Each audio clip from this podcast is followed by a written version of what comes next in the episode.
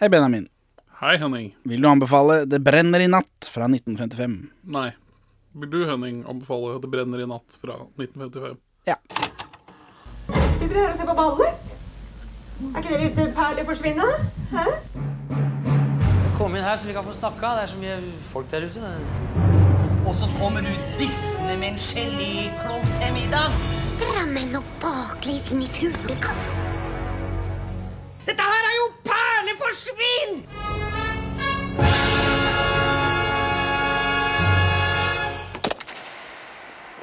Velkommen til Perleforsvinn, podkasten for deg som må eh, ligge med stalkeren din for at han er egentlig snill, så han burde ikke bli tatt for lovbruddene sine.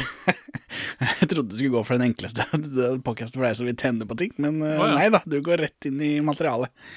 Ja, vi er jo to middelmådige menn i 30-åra som liker å tenne på ting, eh, og ser norske filmperler. Og dette er jo en virkelig norsk filmperle. Arne Skouen. Det brenner i natt fra 1955. Det brenner i natt! ble jo med utropstegn. Ja, skjønner. Er. Morsomt. Udødelig vits. Blir ikke, blir ikke morsommere enn det. Det er ikke så mange norske filmer med utropstegn i tittelen. Ja, det er et par, er det ikke det? Jeg kommer ikke på Hjelp i flyr og sånt, men det er jo ikke, det er ikke så norsk. Eller tittelen er jo norsk, da, selv om ikke Men, men. Dette er Arne Skauens fjerde film. Den kommer rett etter Sirkus Fandango, selvfølgelig, for den var i 54. Og sånn før vi starter her, eh, da jeg vet at du driver og factsjekker podcasten eh, vår for at vi skal være så sannferdige som mulig, eh, så i, i motsetning til andre podcaster da, som bare lirer av seg dritt uten å sjekke i etterkant. Um, Hanen Karl Norbekk. Dette er fra Sirkus Fandango, da. Ja, Vi har litt å ta igjen. Du har mye snakker mye om det. Oppkalt etter bryter, bokser og strongman. Karl Norbekk, som også er sirkusmann. Ja. Du ser på meg nå fordi du er Nå ble- eh, Nå, ble- nå, nå- Du liker ikke å bli tatt på feilene dine. Har jeg tatt feil nå? Nei, det er ikke feil, men eh, du lurer jo på om han dør av krigsstress i april 19... Wow, det er bare humor. Ja, ja, jo, jo, jo. Det er bare humor. Men siden det var humor, så er det kanskje uh, relevant å nevne at han også er medstifter av, det, av Den nasjonale legion. Det fascistiske partiet som varte fra Ei. 1927 til 28. Da de ikke fikk noe oppslutning. Det året eller 27 så var det valg, og så fikk de ikke noe oppslutning, og så ga de opp. Uh, Det, det virket relevant da når jeg leste det, og du samtidig snakker om krig. Så er det liksom Ja, ja. Det, det har ikke så mye med han Karl Nordbekk å gjøre. Det var det jeg håpa du at den, den sjølve fuglen du skulle snakke om. Men, eh, men det føltes relevant da når han først drar fra mannen. Ja, vi var, vi var stort sett heldige med at den brune høyresiden var veldig spaltet i Norge. Det var jo stort sett bare fedrelandslaget som fikk noe særlig oppslutning. Ja, hvem er som er med der? Eh, Nansen ja. Men eh, det var Karl Nordbekk, da. On with the show. Altså dette showet. Det brenner i natt. Det det egentlig handler om her i Arne Skouen sommer volum to. Dette er den første Arne Skouen-filmen som ikke er produsert av Norsk Film AS. Det så du, regner jeg med. Ja, jeg så noe muffens. Ja, for materialet var jo for kontroversielt. Her er det brenning og, og fy av meg. Samtidig som sjefen i Norsk Film AS, Kristoffer Aamodt, ble så forbanna på Skauen i etterkant eh, av at filmen kom ut, da, på at han ikke hadde eh, latt norsk film produsere denne filmen. Selv om Arne Skouen først hadde spurt norsk film, fordi det er liksom Jeg vet ikke hva det er. Det er en eller annen misforståelse, eller han er idiot, han eh, Aamodt. Eh, for det siste han sa til Arne Skouen, var 'kyss meg i ræva', og så kasta han ut av Ja. av kontoret sitt. Det nevner vi vel i den der bioen til eh, Arne Skouen som vi har i episoden Kalde spor. Men siden Norsk Film AS ikke eh, vil produsere, så er det en annen fyr som stiller opp. Ja. Ja, Sven Wam. nei. Morsomt. Albert W. Ovesen, han stiller opp. eh, Det vil si Arne Skouen kommer på tiggeføtter. Eh, Albert Ovesen, som døde i 2010, som jeg syns er eh, eh, Det er veldig nært nå. Men det er klart, det er jo 13 år siden, det er jo snart 15 år siden, snart 20 år siden. 80-tallet er jo 40 år siden. Ja. Snart 50. Eh, han var en tekstileier og smalfilmentusiast, som eh, det står på Wikipedia. Han drev med porno. Eller Var, Nei, hva nei, nei, nei, nei. Smalfilm, liksom? Nei, eh, det, vi kommer til det, da. Herregud, jeg skal jo Jeg tror det var det, og så skal vi bare fortsette videre. Han er vokst opp på Vinneren gård. Den W-en i navnet står for Vinneren. Altså er det Bydelen heter jo Vinneren med enkelt-V, men whatever. Så, så han er jo en riking. Ja. Old money. Eh, Ovesen hadde et enkeltmannsfilmforetak filmforetak for smalfilmen sin. Når han og Arne Skouen treffer hverandre, så holder han på med en film om bolignøden i Oslo. Som er for, fortsatt er relevant. Evig aktuelt. Det er kjemperart. Dette er jo på 50-tallet, da. Eh, eh, Han trengte litt teknisk assistanse, så han skrev til Arne Skouen. Og Arne Skouen ringte tilbake og avtalte å møtes. Og på dette møtet så spurte Arne om ikke Albert bare ville finansiere Det brenner i natt i stedet for. Eh, og Albert, da, som kaller seg en filmgæren tulling, eh, sier ja, selv om han ikke har noen produsenterfaring. Og for å finansiere denne filmen, altså Det brenner i natt, så selger han båten sin og noen malerier. Da, da får han eh, skrapa sammen 50 000 kroner. I underkant av én million nå i dag. Og Ifølge han selv da, så var det en kunstnerisk seier, men han tapte penger på det. Eh, for han produserer Barna Solen for Skauen også, noe han taper 73 000 kroner på. Ca. 1,2 millioner i dagens penger. Eh, og så ser han ikke Arne Skouen mer, sier han til VG i 1964 i en bisetning i et portrettintervju i forbindelse med hans Magnus Opus 'Villmarken kaller'. Og, det, og denne bisetningen i dette portrettintervjuet blir Arne Skouen blodig fornærmet av. og han velger å svare i Norsk Filmblad at 'Det brenner i natt' hadde full dekning under tidens stønadsregime, eh, så der tapte ikke Ovesen en krone. Oi, sånn full av dritt. Eh, Ja, det er litt sånn eh, vi, Ja, det er ord mot ord, da, på en måte, men eh, en av de er full av dritt. Sikkert Ovesen. Jeg tror det heter Magnum Opus, og ikke Magnus Opus. Bare sånn, Ja, Magnum er en is. det er sant. Jeg vil ha to is. Angående Barna Solen da, så melder Skauen at to av kreditorene, Kirkedepartementet og Norsk Film, har ettergitt gjeld på 61 620 kroner og 44 øre, og at sitat, på toppen av dette har han fått en så lempelig ordning med en tredje kreditor at det også betyr ettergivelse, om ikke gamle filmer skal gi inntekt til dekning hel eller delvis. Slutt. Så han sier at Ovesen har vært etter han i ti år nå av dette, og truer med at om ikke han holder kjeft nå, så skal han få se at Skauen har orden på arkivet. For han har jo masse kvitteringer, da. Han kommer jo med, med, med summer helt ned på øret. Samme nummer av Norsk Filmblad melder at Ovesen har skrevet et langt tilsvar, men at de dessverre ikke har plass til det i dette nummeret. Så nå var jeg veldig spent, da. Hele måned. Så hvor lenge fortsetter dette? I neste nummer så står det en liten notis fra Ovesen, som i mellomtiden har valgt å trekke det lange tilsvaret sitt på grunn av en, at han mener Skauen burde svart i samme blad som anklagen kom, altså VG. Ja. Og to, at sånn offentlig skittentøysvask engasjerer en hel masse mennesker som ikke har noe med dette å gjøre. Så slenger han shade til skauen og sier at eh, spaltemeterne heller bør brukes til positive artikler som kan gavne norsk filmproduksjon. Så da, og i en notis eh, til da, så sier Norsk Filmblad at siden Ovesen trakk sitt svar, så trekker skauen sitt svar på det igjen, og saken er avslutta. Så i arkivet til Norsk Filmblad så ligger det skittentøy Ja, av tydeligvis. denne konflikten. Der ligger, der ligger Ovesens tilsvar og eh, skauens tilsvar på Ovesens tilsvar. De får vi ikke lese. Ja, det var jo veldig spennende. Er det brannmelding? Er det brenner? På flere steder. Springer han rundt og tenner på overalt? Men er det ingen som kan? Er det ingen som kan stoppe ham? Er det ingen som Albert Ovesen var også naturkonservator, og han holdt foredrag om naturvern. Han startet kronerulling for å berge rovfugler i spydbær, skrev bøker om alt fra, bre fra bever til løver. Helt opp til 2000-tallet, faktisk, så han holdt på med det lenge. Og selvfølgelig så laget han filmer om dyr og natur. Jeg orker ikke å ramse opp alt han filmer igjen. Eh, han lever for lenge, og han produserer nesten hele tida, men i 1957 så lager han dokumentaren Froskemenn, som er Norges første undervannsfilm. Elleve minutter. Den brukes av marinen til rekruttering, altså gjorde da, da. Jeg regner ikke med de gjør det ennå. Han lager film om beveren også. Vet du hvor mye den fikk i kortfilmstøtte i 1976? Filmen kom det året. Eh, Mulig støtten kom året før, bare så jeg har midt på det rennet her. 54 000 kroner. 98 133 kroner, som tilsvarer 576 549 kroner og 46 øre i dag. Han fikk en og nesten 600 000 for å filme bever. Mye penger i god bever, da, Ja, det er det. hvis det er lov å si. Eh, Men disse 98 133 kronene, det er 8133 kroner mer enn filmen Jordsmonn og hummusmatte' fikk. Hummusmatte. Det har noe med jorda å gjøre et eller annet sted, da. Det- er, det er dokumentar om det. Åh, herregud. Ja, men Det er ikke han som har lagd jordsmonn og humusmatte, men det var samme året. Den sto liksom etter, tenkte jeg. Hva er det, hva er det folk lagde film om i 76? Hvorfor? Hummus, Hva skal man med det? det? Dette kikertbaserte produktet hummus. Å ja, nei, det fins flere ting som er hummus. Okay. Jeg tror det bare er sånn løs granulatmasse som fins Ja. i skauer rundt omkring. Ja. Ja, skjønner. skjønner. Jordsmonn og hummusmatte. Nå er du dum igjen. I, eh, nå litt tilbake i tid igjen, da. I 1961 så annonserer han i Jakt og fiske etter film av elg i høstlandskap.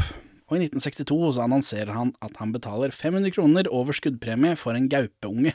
Og i 1963 så søker han etter levende ryper i Lofotposten, en slags kontaktannonse, tenker du. Men han jobber altså med å lage en av hans få langfilmer Villmarken kaller. Ja. Magus opuset. Ja. Magnus opuset. Magnus opus. Opum, tror jeg det er.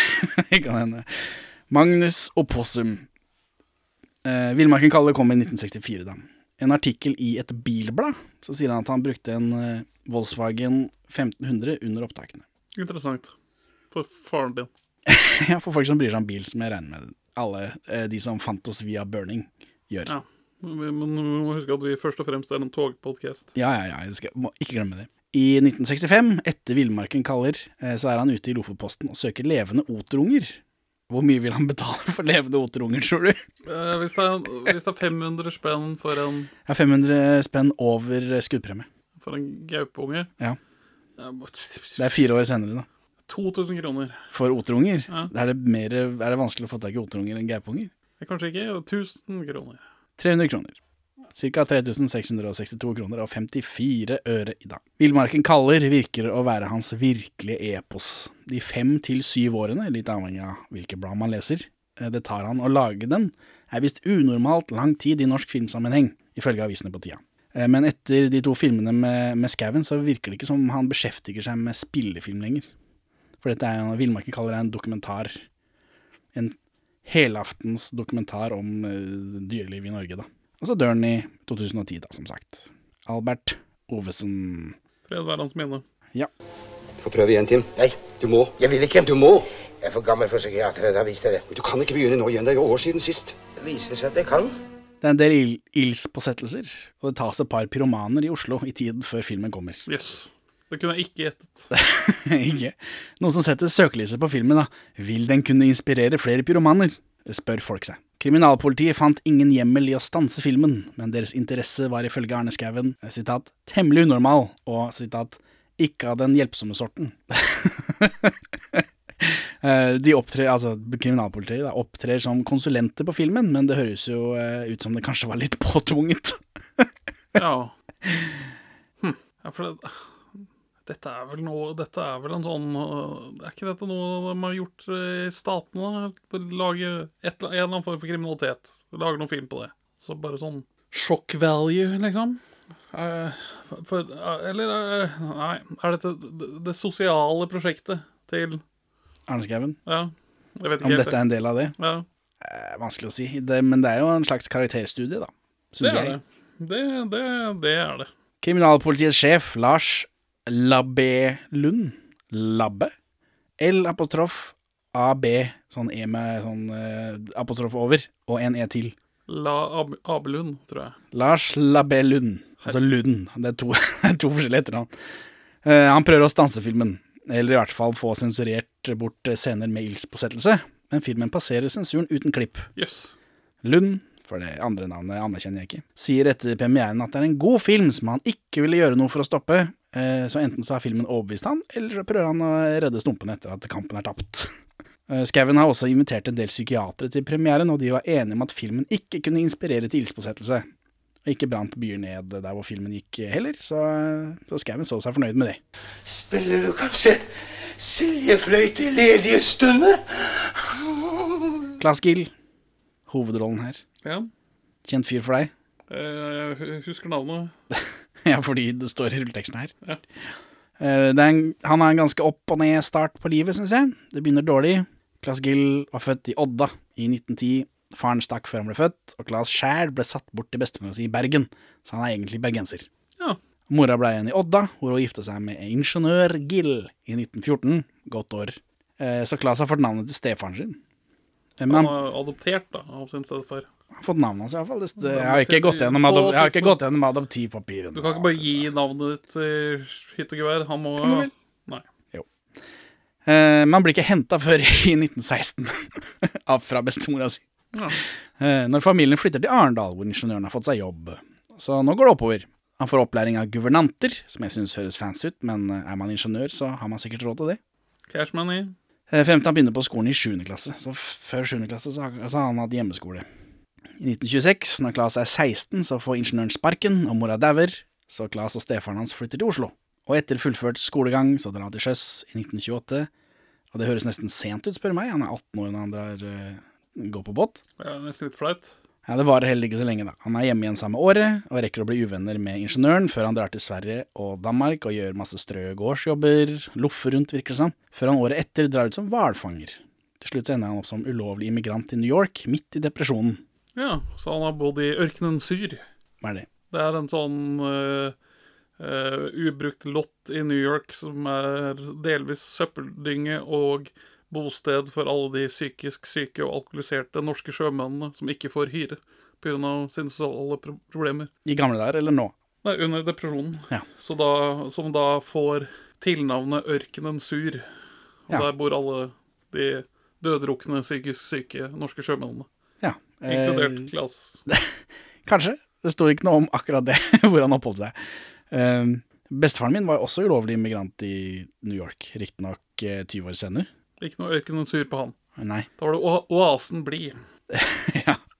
Men han, han fortalte da, nå er jo han Russland, men han fortalte at det, uh, det viktigste for han var å ikke oppholde seg rundt andre nordmenn, for da kunne man bli raida og kasta ut. Ja, smart.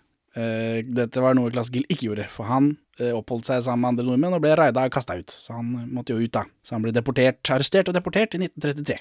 Ja. Så er han tilbake igjen i Bergen, da. Her roter han seg inn i kunstnermiljøet og får sine første dikt på trykk i Bergens Tidende, for han er egentlig dikter og sånn. Han er sånn teatergubbe, egentlig. ja. Er Kunstnersjel. kunstnersjel. Veldig av det. Så drar han til Oslo og lever et omflakkende bohemtilværelse uten fast bopel. Og det er her Arne Skouen og Claes Gill treffer hverandre.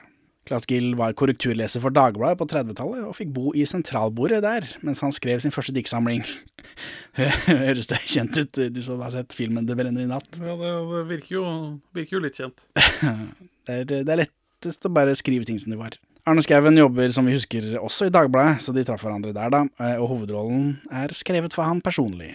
Som sikkert er derfor han har alle hans trekk. Men i 1939 så utgir Claes Gill sin første diktsamling, 'Fragmenter av et magisk liv'. Og i 1943 så utgir han sin andre og siste diktsamling, 'Ord i jern'. Og så gir han seg med dikt etter krigen, og viser seg til teatret, for han har vært en del av undergrunnsteatermiljøet under krigen, eh, da disse teaterskolene var nazifisert. Dette snakket vi om i den biografien om Aud Schødmann, tror jeg. Olsmann-nyhetene. Han er både instruktør og skuespiller, noen ganger teatersjef, har for mye kred som oversetter av stykker. Og herfra så er det egentlig bare prat om teaterroller, og at han var en veldig god oppleser på radioen og sånt noe. Hans lille filmkarriere er knapt en bisetning, men her er han altså. Det brenner i natt. Og han kommer igjen litt senere i sommer. Senere i denne Arne Skaue-sommeren. Eh, og i en eh, senere Arne Skaue-sommer, da han også har en rolle i Ann-Margrit. Eh, og så spiller han fyren som spiser talglyset i åpningen av Ivo Caprinos Gutten som kappa opp med trollet. som står for meg som et veldig sterkt barneminne. For disse animasjonsfilmene til Ivo Caprino om eh, norske folkeeventyr, de har jo en sånn live action-åpning hvor eh, Asbjørnsen og Mo, det er vel Asbjørnsen tror jeg, for han har veldig mye skjegg, eh, går rundt i Norge og samler disse eventyrene. Og da er han på en sånn taverna, og så sitter Henki Kolstad der, og så mobber og utfordrer han en fyllik til å spise et talglis mot å få en dram. Og den fylliken som spiser det talglis, eller live on cam, jeg håper ikke det er et ekte talglis, det, det er Claes Gill. Jaggu. Han dør i 1973. Dette er hans filmdebut, og han går fullmettet. Og ifølge Aksel Kielland i Morgenbladet, så slår han motspiller Elisabeth Bang gul og blå i scenen hvor han får vanvid vanviddsutbrudd, og skremte deler av stabben ut av studio. Og dette hører vi jo ved mellomrom. Fant også. Er det, ikke, er det ikke en historie der hvor at Alfred Mærstad og Guri Stormoen knivstikker hverandre på ordentlig? eller noe sånt? Det, selvfølgelig stemmer ikke det. Nei. Nei. Så denne filmen går i hovedkonkurransen i Cannes. Det gjorde jo Nødlanding og Sirkus Fandango også, så tre på rad for Arne Skouen der. Han deltar senere med Ni liv. Det er ikke så uvanlig med norske filmer i Cannes på 50-tallet, eh, i motsetning til nå, da. Det er mellom 52 og 61 så går det seks langfilmer, hvorav Arne Skouen lager fire, og syv norske kortfilmer i Cannes. Ja. Mens nå er det stor ståhei, bare verdens verste menneske får foten innafor. Stort sett, hvis det er noe norsk, så går det utafor programmet. Men, men. Det var det. Er det film? Denne måtte jeg leie på Viaplay for 39 spenn. Sjæl. Så nå blir det jo noe spenn på han produsentens etterkommere. ja, ja, for jeg tipper det er denne finansieringsformen som er grunnen til at den ikke bare ligger på Filmarkivet. At ikke den er eh, f finansiert av norsk film, eller noe At, den er én av to indie-finansierte filmer fra Albert Ovesen. Og den ene er ikke mulig å se fordi Arne Skouen ikke vil at noen skal se den. Den andre er denne. ja, men jeg så at den var mulig å leie et annet sted òg. Jo, men den ligger ikke bare på Filmarkivet, ah, hvor sammen med alt det andre av eh, norsk film, liksom. De har jo en egen kategori, Arne Skauen, og så er ikke den med. Bare, hva skal jeg med denne kategorien? Det er en grunn til at jeg har starta Arne Skauen-sommer eh, annethvert år her. Det er jo fordi det var lett tilgjengelig. Herregud. Men den var tilgjengelig i det hele tatt, altså. det var jo flaks, det. Åpner på bildet av Rådhuset og Aker Brygge, med Ovesen Film, da, i store bokstaver. Superimposed over filmen. Ja. Veldig fancy. Før det etter en fanfare brått pæner ned. Sikkert Akersgata, vil jeg anta, fordi det klipper inn til et avisbygg. En mann og en dame sitter på kontoret. Dama prøver å gå inn med en artikkel om en pyroman, mens gubben irriterer seg av at han må gjøre jobben for en som heter Tim, og at hun lar han slippe unna fordi han er kunstner. Ja. Ja, for dette er korrekturlesere, viser det seg. Eller Ja. hun er korrekturleser, og han er typen hennes, eller noe sånt. Og ø, lavthengende journalist innad i hierarkiet. Ja. Og så kommer Claes Gill, han spiller Tim. Han prøver desperat å få noen på kontoret til å bli, men de drar alle sammen og sier natta. Natta, Tim. Natta? Det jeg synes det hørtes så moderne ut. Jeg trodde de sa god natt i norsk film på 50-tallet. Ja. Adjø, Tim. Farvel, Tim. Ja, men nei, de sier natta. Natta, Tim. Og så viser det at det kommer tilbake senere, at det, dette er noe. Så jeg vet ikke, er det gjort med vilje? Kanskje han prøver å nå til et ungt og hipt publikum. Ja, eller at de har, han har brukt et ord med vilje som liksom man fester seg ved. Så du kom altså bare opp for å si natta, Tim. Natta, godfjotten. Natta, dumskallen. Når Tim er alene, så løper han rundt og skrur på lysene, og han ser smågal ut. En urgammel faksmaskin eller noe sånt og begynner å klampre. Stolene er tomme. Claes Gill går alene rundt i ekspresjonistiske skygger. Hva syns du? Men det er, det er, det er, det er litt pent. Ha, har du noe på denne urgamle faksmaskinen? Hva er det for noe? Man hadde faksmaskin i gamle dager. Ja, ja er Faksmaskinen er vel funnet opp på sånn 1860-tallet eller noe. Vet ikke. Så Jeg har altså ikke, jeg har ikke satt meg inn i faksmaskiner, for det regner jeg med at det kunne du. en ek, ja, Det har jeg sett som fun fact på internett. Altså En ekte samuraikriger kunne ha brukt faks. Ja. Så ja, nei. Det er bare telegrafi med autoprinting, liksom. Det er ikke bare bare. Nei, nei. Så finner han sentralbordet, hvor han hører syner, eller for han hører denne sentralborddamen. Men det går over, og så setter han seg ned, begynner å koble disse sentralbordledningene inn.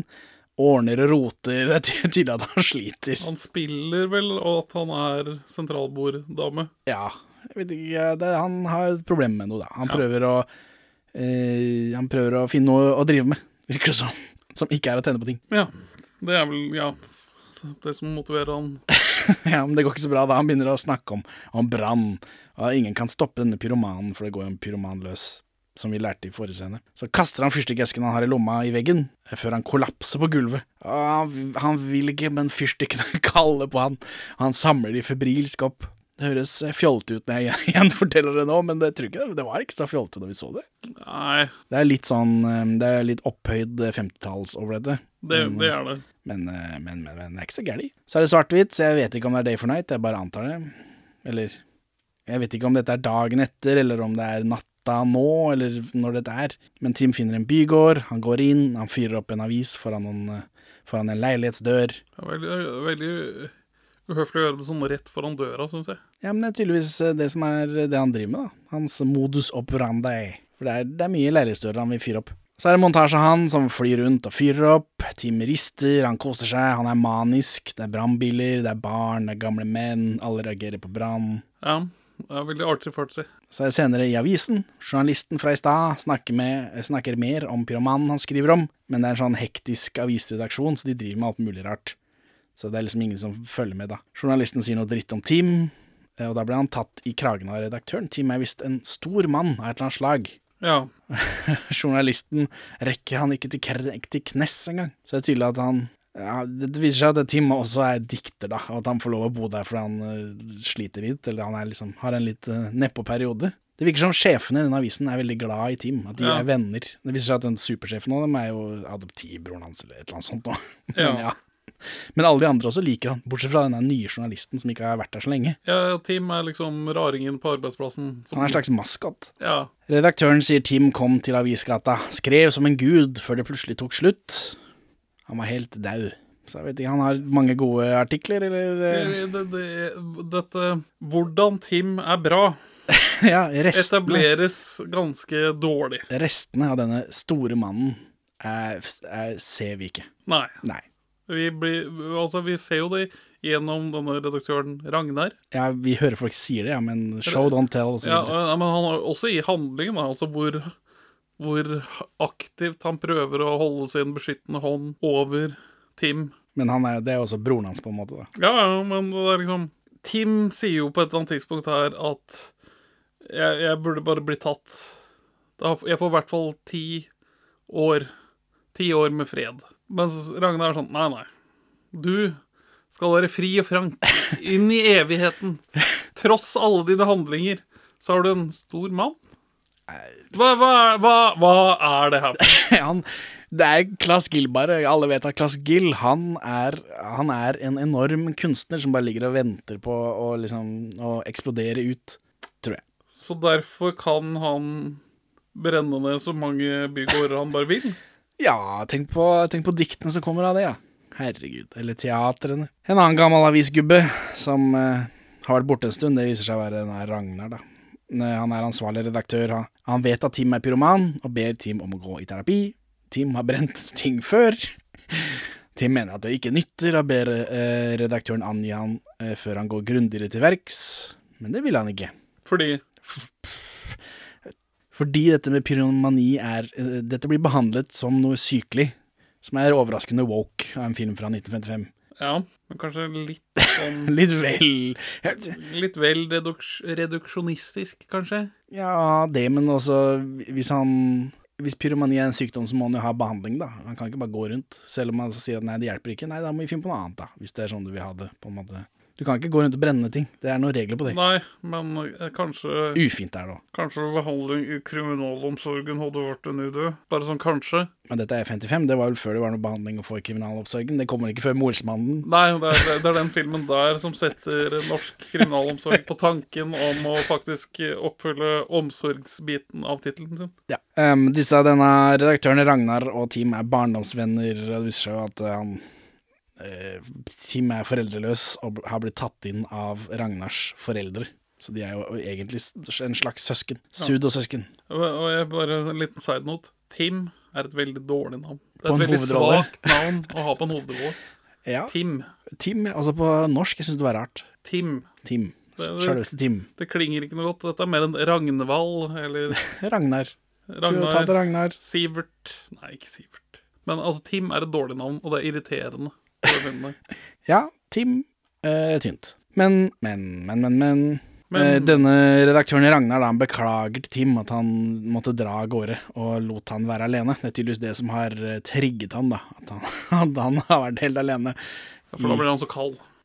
Han må varme seg, da. Eh, Tim går på et foredrag om pyramani. Det heter pyramani, en mangelsykdom. Pyramanier søker varme og nærhet? Spørsmålstegn. Altså, Ja, jeg har skrevet spørsmålstegn. Fordi av tidligere opplevelser og liksom svik og mangler i livet, da, så har de ikke fått nærhet og varme. Så de er så veldig iskalde. Men er det først og fremst varmen man søker som pyroman? Nei, dette, dette, er, fryser. dette er ikke sånn pyromani henger sammen verken da eller nå, tror jeg. Dette er jo, dette, dette er jo tull. Er det det? Har du noe greie på pyromani? Du som er jeg- eh, psykolog. Jeg gikk inn og leste litt på disse, disse manualene. ISD5 og blablabla, disse Ja, hva sto det da? Mer enn Enn at de søker varme og nærhet. Ja. Eh, og eh, de liker ikke å, å kunne skade noen, det syns de er fælt. Men de liker bare å tenne på ting. Men det fins mange man kan tenne på ting under trygge omstendigheter. Og det er ikke noe korrelasjon mellom eh, andre psykiske lidelser og alkoholisme, tror jeg, i statistikken rundt pyromani. Så det at Tim er litt sånn utviklingsforstyrret, er også en litt sånn ukorrekt fremstilling av en pyroman. da. For han er jo litt eh, Spesiell. Mungis, er vel Er det det? det folkelige termen for det. Er han, han, ja, han er jo litt enkel.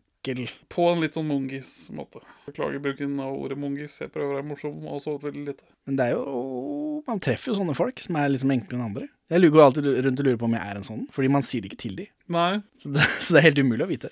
Du også her, Tim? Interessert i pyromani? Denne journalisten har fått i oppdrag å gå på et foredrag, så han kjenner igjen Tim. Denne sure journalisten som ikke liker han. så Tim som sitter og uh, skuespiller med hele kroppsspråket sitt, at han er pyroman. ja. Så mye at denne foredragsholderen forstår det fra podiumet. Eh, Så når Tim går, eh, og han begynner å følge etter denne foredragsholderen, så følger journalisten etter. Denne foredragsholderen er for så vidt en kvinne. En foredragsholderinne. Hjemme hos eh, foredragsholderen eh, så ser hun at hun blir forfulgt. Hun er ikke sånn superfan, men hun lokker opp allikevel og slipper inn Tim. For hun ser at han også blir forfulgt, og det er hun redd for. For hun vil beskytte Tim. Som han, hun ikke kjenner. Eller Tim prøver å ta kontakt med henne idet hun driver forlater eh, lokalet. Han er den siste som er igjen.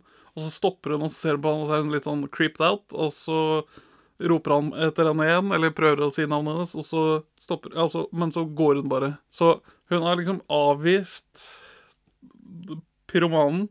Men når han har stalka henne, så vil hun beskytte han. Ja, for hun Fordi- ser at han også blir stalka. Nei, ikke tenk på det. men Tim vil gjerne bli tatt, men hun holder han inne i leiligheten.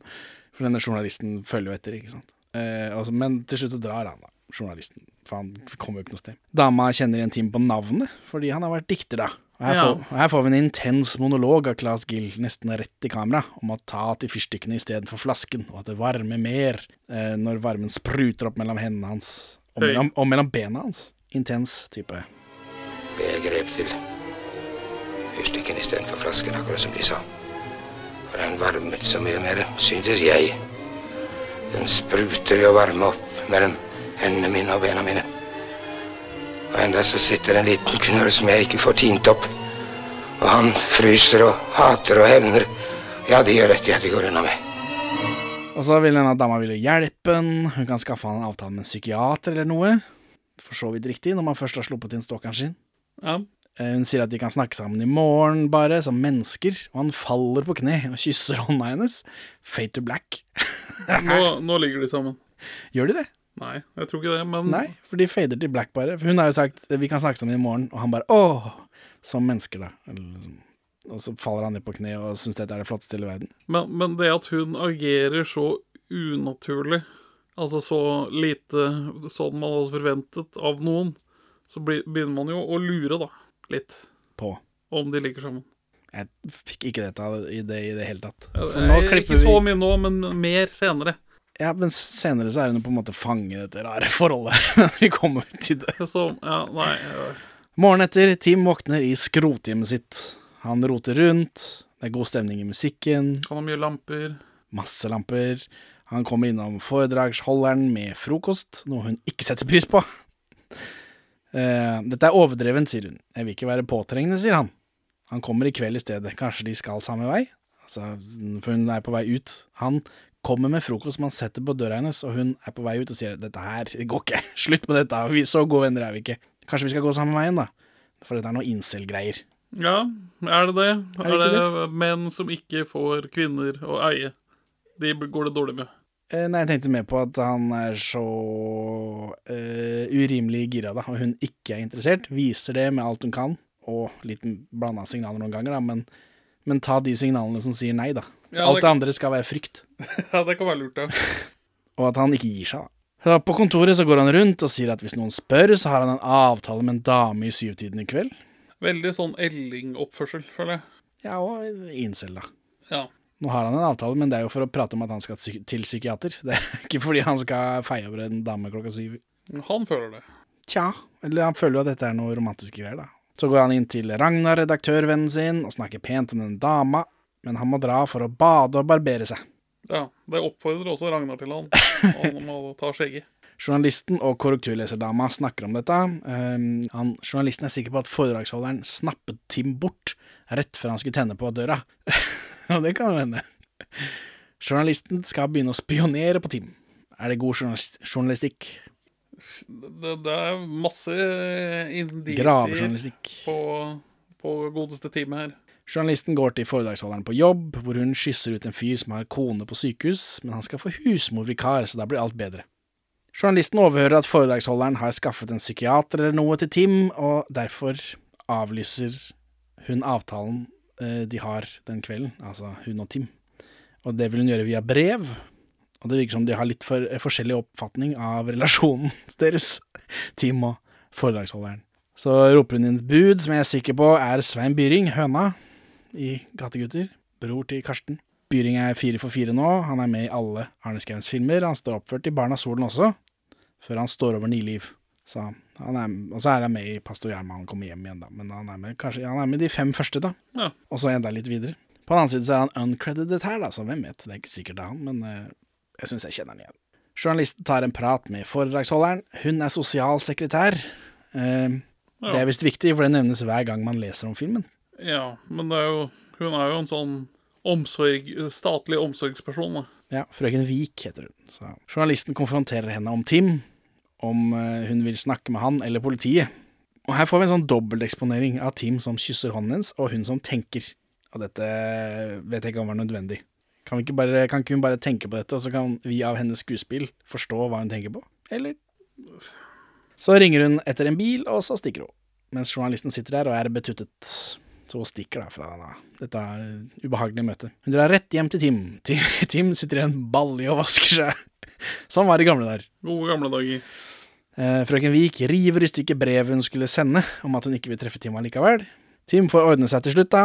Eh, han får liksom kledd på seg, og så videre. Og så slipper han henne inn i denne møkkaleiligheten sin. Men den er enorm. Ja, han har, et, øh, han har, øh, han har plass til å boltre seg på. Ja, selv om den er rotete. Og her er det noe romantisk musikk. Hva er det filmen vil fortelle meg? Filmen Er vi i hodet til Tim? Ja, men filmen Altså, det Tim sitt ståsted Han har funnet omsorgen han ikke har fått fra sin mor. ja. For disse, disse adoptivforeldrene hans de var bare iskalde, så det var ikke noe å hente der. Du får husly og en overbeskyttende adoptivbror, mens uh, ikke noe kos å få her. Men, men altså, så Tim får omsorg. Hun bestemmer seg for å gi omsorg, sånn at han ikke skal pyramanere mer. For her flirer han som en idiot, og så virker det som frøken Vik liker det. Filmen forteller meg at hun liker det, men jeg vet ikke om det er fra Tims ståsted. Så driver frøken Vik og roter rundt i leiligheten, Tim samler på planter, han spiller sjakk, han spiller fløyte, han har mange lamper. Tusenkunstner. Men han trenger ikke lampene like mye nå som han har henne. Ja, fordi lampene er det Skal det representere pyramani? Blir han varmere av de lampene? Jeg tror det. At, det, at han bruker Men det er jo ikke varmelamper, det er bare vanlige lamper. Ja, men gammeldagse glødelamper av litt Ja, det- vått blir du jo jævlig varm av. da. Ja, men selv i gamle dager så Å, jeg fryser så fælt. La meg sette på noe lys. Men det er jo antallet innvirker jo også. Ja, ja, men det må jo finnes mer effektive måter å varme seg på. Det er det som er poenget mitt, istedenfor å ha 1000 lamper. Lyset og varmen erstatter ilden, ikke sant? Ja, det må jo være noe sånt, Scratch men det blir, itch, bitch. det blir ikke forklart godt nok for meg. Jeg syns det er rart at han har så mange lamper, og de ikke sier noe om det. Tim skal servere kaffe, men han har bare én kopp. Så frøken Vik eh, foreslår at de går ut og drikker kaffe, så ikke hun blir antastet drept, antar jeg. Dette har ikke han tenkt på som alternativ engang. Nei, han ler som om han er sinnssyk, for det er han jo, og så går de ut da og drikker kaffe. Senere på telefonen så snakker frøken Vik med doktoren hun har ordna til Tim. Frøken Vik er blitt glad i han fordi han er så skjønn. Hvor, hvor da? Hvor da? På denne kafeen som ikke vi har sett, da. Jeg vet da faen, jeg. Eh, men hun vil også nødig at han skal narre seg selv etter disse dagene, som hun sier. Hun har, de har tilbrakt flere dager sammen, og hun vil bli- ikke at han skal bli forelska. Det begynner å bli litt seint. Det var, har egentlig vært seint fra start av. Ja, er det friendzone, dette? Ja. Er det sånn det føles å være friendzone? At hun er glad i han som en mor? Er det det som skjer? At friendzone, hun er glad i han som en mor? Han er så skjønn som et barn? Det er et slags sånn Stockholms-syndrom-mor. Hun venter i hvert fall veldig på at denne doktoren skal overta for henne, da. Så hun slipper å være denne personen som holder ham borte fra fyrstikkene. Ventelisteproblematikk i eh, psykiske eh, helsetilbudet. Det tidløst. Ah, var det, jeg tror ikke det venteliste her. Det er bare han doktoren som har satt opp et labmøte litt i, i etterkant. Team er inne hos eh, kameraten eh, Altså, Team er inne hos Ragnar, redaktørbroren sin, og snakker eh, forelsket om frøken Vik. Hun kommer i kveld, han har kjøpt en kopp til henne òg. Så her Nå er det to kopper, da kan hun like godt bare flytte rett inn. Han er på vei til å utvikle et møblert hjem. Ja. Eh, så kommer hun på besøk, han har rydda bort alle lampene, han trenger ikke de nå, som hun er her. Hun har også en overraskelse.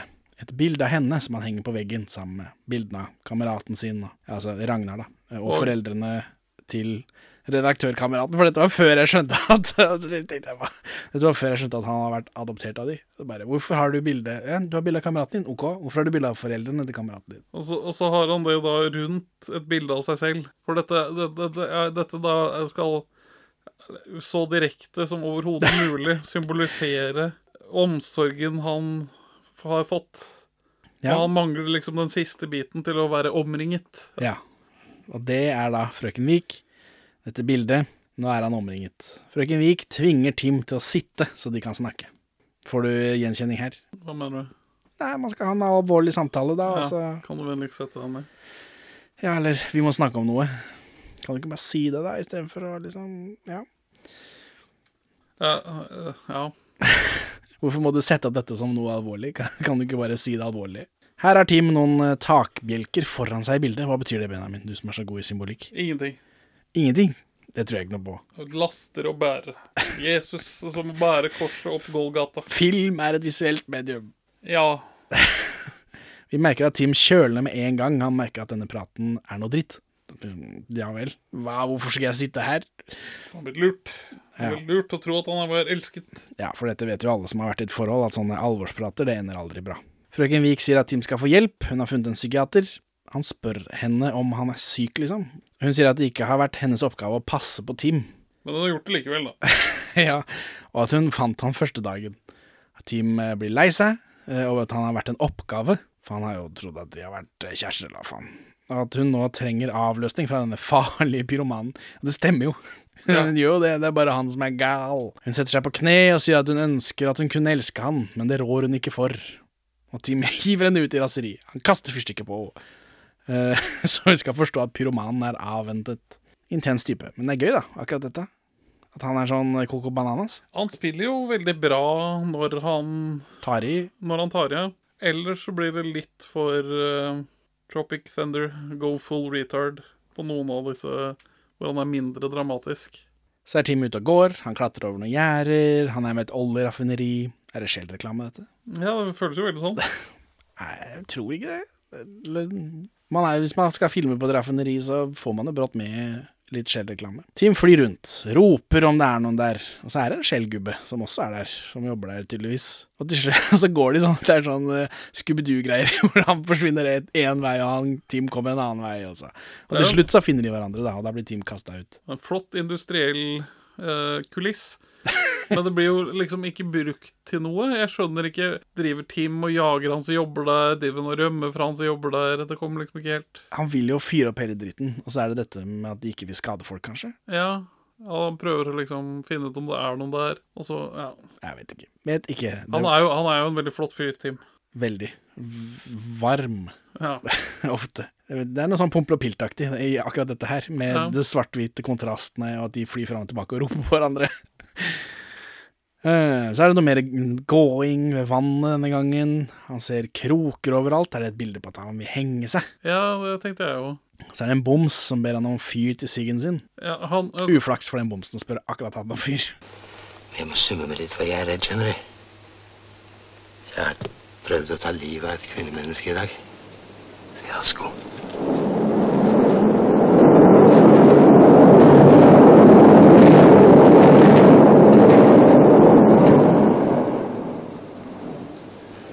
Nå kommer jeg fra en ny fiasko. Jeg tør ikke tenne på den. Ikke der. Så de kommer som bestilt. Gjør det fort, for jeg er redd. Og slå, så jeg faller uti med en gang. han, han driver og snakker med denne bomsen, da. Ja, Og så, og så vil han at bomsen skal drepe han. ja. Eh, De er ved vannet. Men hver gang toget kjører forbi, så må han stoppe samtalen og liksom la lyset fra toget falle over seg. Veldig, det, det ser veldig fint ut, men det er også veldig meningsløst. Ja, men Tim er jo på sitt laveste nå, da. Han klager over at han ville drepe en dame i dag, og at det var en fiasko. Han turte ikke å drepe henne. Så turte han ikke å tenne på denne raffineriet, har nok en fiasko. Så han vil jo at denne bomsen skal kline til han så han faller i vannet og drukner. Han prøver å betale han, og så, men denne bomsen synes denne raringen det vil ikke ha noe med å gjøre, så han stikker. Korrekturleserdama jobber med Tim.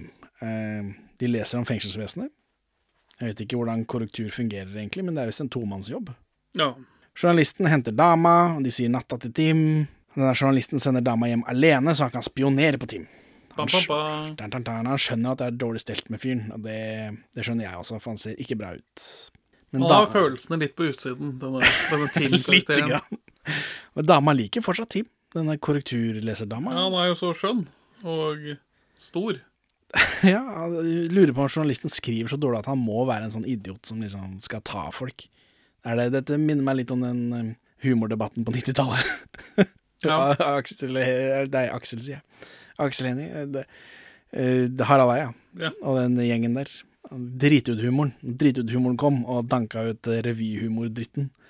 At revyfolka ble litt sånn grinete på det. For de trengte ikke å ha dritt ut folk, de kunne bare prompe i en hatt, de, og så lo folk.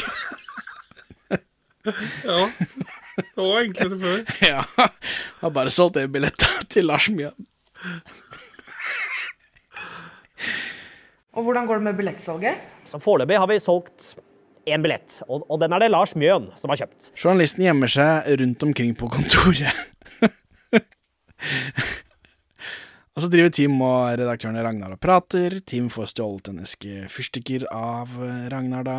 Ja, han prøver jo å holde seg unna fyrstikkene, men så ser at fyrstikkesken ligger på pulten til Ragnar. Ja, for alle røyker jo overalt. Så dette, Ja, ja. det er alltid fyrstikker å finne. Omringet av ild. Ja.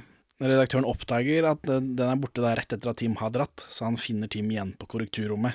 Og så her har de visst en prat, men de klipper bare bort.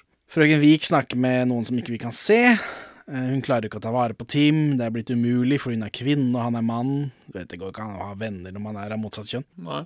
Eh, Det viser seg at det er redaktørvennen hun snakker eh, med, altså Ragnar. Han duger ikke lenger, eh, han heller. Tim begynte å fyre opp etter at mora hans dro da han var ti, og faren var død. Og Ragnar sier rett ut til frøken Vik at dette er for å presse henne. Han skal presse henne til å passe på Tim. Hun lurer på om hun må bli hans elskerinne eller gifte seg med han, eller hvor langt må hun gå egentlig? Frøken Vik, må hun liksom bli hans elskerinne? Så det skulle jo tro at ikke hun har ligget med Tim ennå. Nei. Og Ragnar er bare sånn Ja. Det- Gjør, gjør hva du må. Det er så lenge jeg slipper å holde på med dette lenger. For eh, Ragnar er jo, er jo en utrolig dårlig fyr. Men, men han, han er bare sånn Nei, at Tim er så flott og har hatt det så vanskelig at han kan bare ikke bli tatt for ildspåsettelsene. Han må beskyttes for enhver pris. Ja, Om det hjelper å ligge med han, gjør det da vel. Han sier ikke det, men, men det er underforstått. De blir avbrutt av Tim som kaster stein på vinduet. Ragnar sier at hun ikke må si at han har vært der.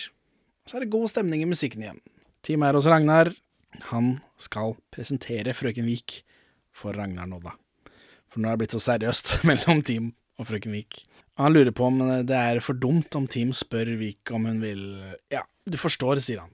Hvem vet hva det skal bety? Det er vel skal, Vil han spørre om de skal gifte seg? Vil han at hun skal suge han? Hva er, det? Hva er dette? Jeg vet ikke. Er, jeg vet ikke. Det er bare tull. Redaktøren drar til Vik. Vik pakker. Hun skal da til utlandet, visst. Eh, Ragnar ber henne å utsette litt, så han får forberedt Tim litt. Og Vik klarer ikke å leve sånn lenger. Hun lar bare alle frokostene stå og råtne. Hver dag er en nødløgn. Det, Det er et sterkt bilde, det, alle disse frokostene. Han kommer som han slenger fra seg på døra, og så løper han av gårde, som den lille muldvarpaktige fyren han er. Sånn tegneseriemuldvarp. ja. Ja, men alle disse frokostene som han har nitidig lagd, de står bare og råtner. Som dette forholdet. Bam, bam, bam. Ja, men altså For hva er det hun OK, hun jobber som sosial Sekretær. Ja. Men hun, hun holder ett foredrag, og så ellers er hun gisselet til hun. Ja, men hun drar jo på jobb, du- da. Det er jo derfor hun får denne frokosten og de ikke treffer henne. Hun er jo Ja. på jobb og gjør andre ting, antar jeg. Holde andre foredrag, kanskje. Hvem vet. Frøken Vik er hos Tim, han har ordnet blomster, han er en glad idiot med flåsete flir. Tim vil ta henne med til avisen. Hun protesterer, men han drar henne med seg likevel. Kan ikke høre på henne. Tim introduserer henne for alle i avisen, inkludert eh, Ragnar, da, som hun jo kjenner fra før av. Kleint. Og så begynner alle kollegaene hans å kile han. ja, fordi han Han går jo da til arbeidet til korrekturrommet sitt, og Ragnar må passe på eh, frøken Vik, sier, sier Tim fordi han må gå og jobbe. Og så på korrekturrommet så klovner de rundt med Tim, da, fordi liksom skal du gifte deg, Tim, bla, bla, bla, og så driver de og kiler og pynter og pusser og ordner. Holder han på fanget. Bare... Ja, men- men her føler jeg denne byoriginaltypen han er, blir mye klarere nå. Hvordan de behandler han, liksom. Leketøyet vårt, Tim. Ja, og, men du, han er ikke imot det, for nå er det god stemning for han, da. Ja, han er the center of attention og setter pris på det. Så drikker de. Tim snakker om eh, da han, de tidene tidligere da han tryglet om å bli med gutta på jobb, er over. Det er tydelig at han har følt at de har sett ned på han. Rart. Så skriver han inn sin egen forlovelse i avisen i fylla, eh, men da er det plutselig slutt på moroa. Eh, Jeg vet ikke, er det, Har det noe med avisens integritet å gjøre? Er det derfor det alle blir plutselig veldig rare? Her er det kuka og kila denne fyren og ordna og styra, altså, men når han skal skrive en tulleannonse inn i avisa, da Det går ikke. Ja, men da, da, da kicker korrekturleserinstinktene inn til hennes til hans kvinnelige kollega. Og da, hun er redd for at uh, gode, varme, store, flotte team skal bli såret. Og for man har misforstått noe, for hun har plukka opp med dette korrekturleserinstinktet sitt. At uh, det er kanskje noe som ikke er helt riktig Det her. er det som skjer, ja. Så da tar hun kontakt med kilden og besøker sosialsekretæren for å finne ut frøken Vik. Ja, er hun forlovet med Tim eller ikke, siden han er så oppspilt? Vik drar til Tim, som har tatt fram lampene, som sagt, ja, og er helt ko-ko. Han øh, raser rundt. Vik sier adjø, og hun reiser.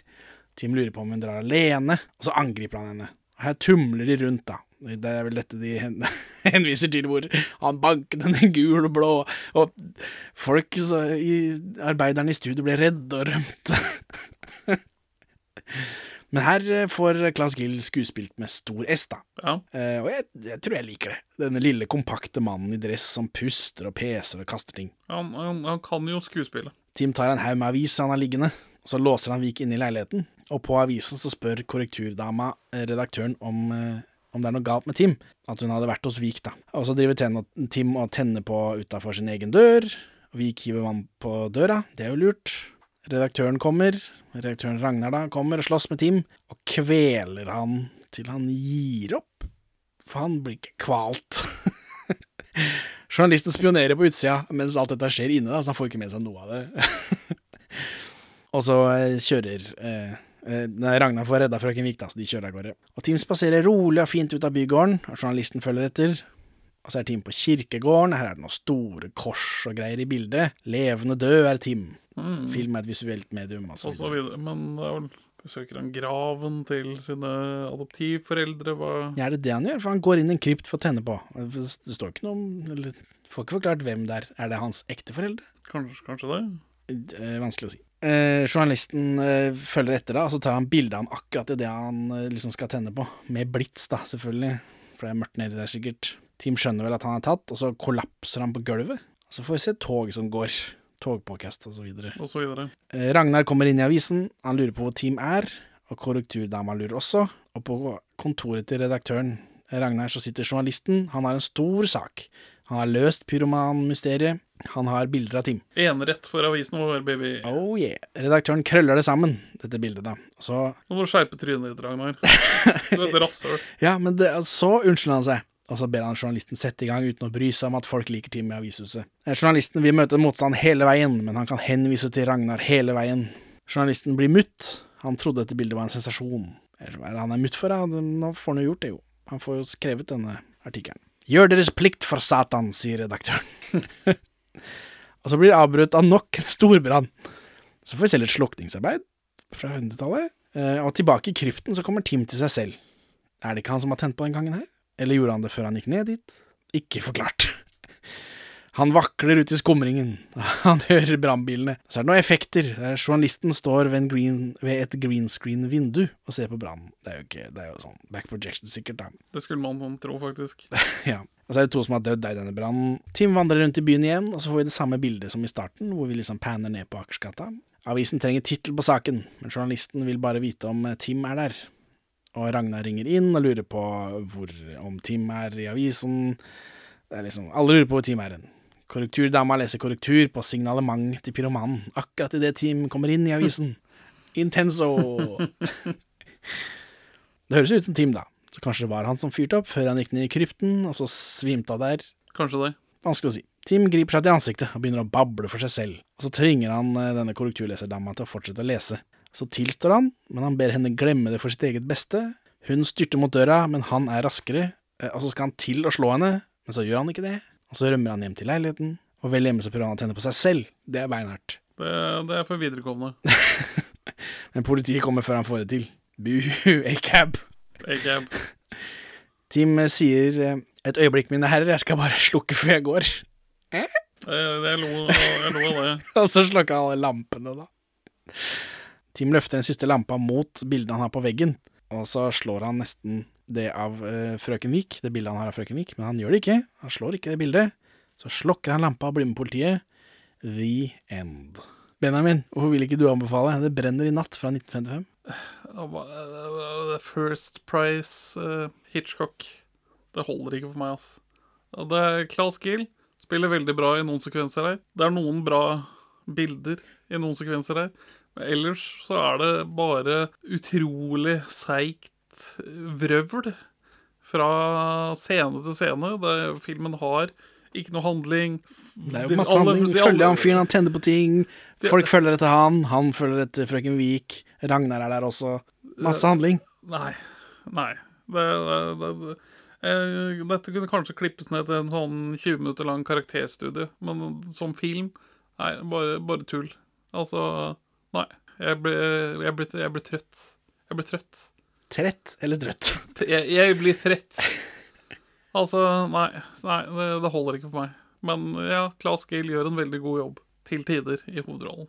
Men nei, den, den har ikke holdt seg. Så Henning, hvorfor vil du anbefale Det brenner i natt!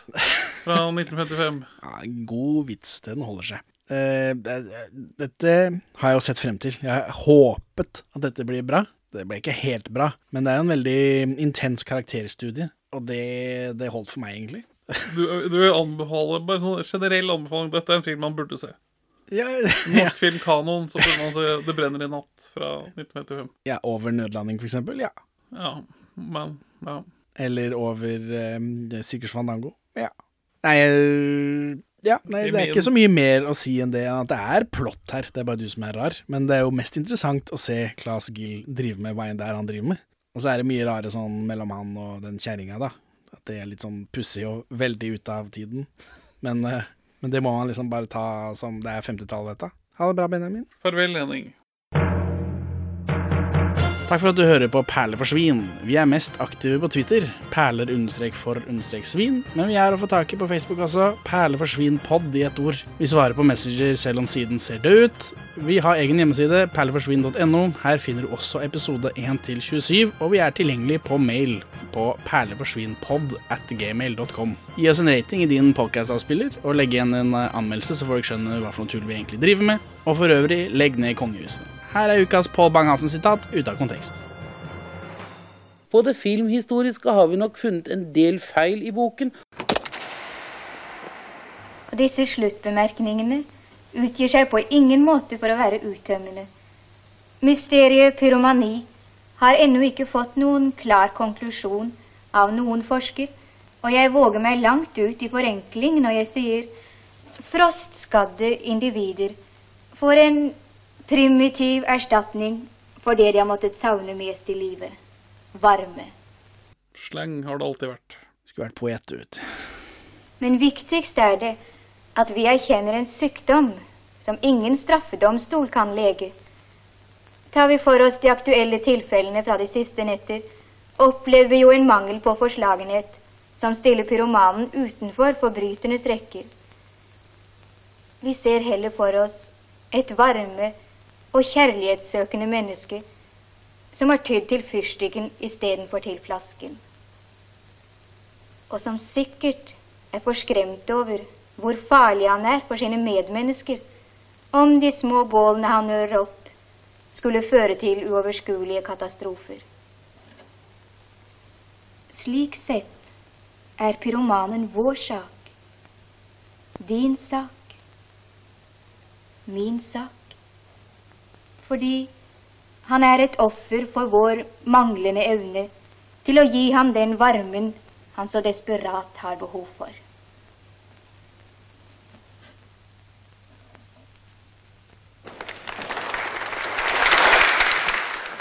Men det rimer ikke med det jeg føler filmen burde fortelle meg.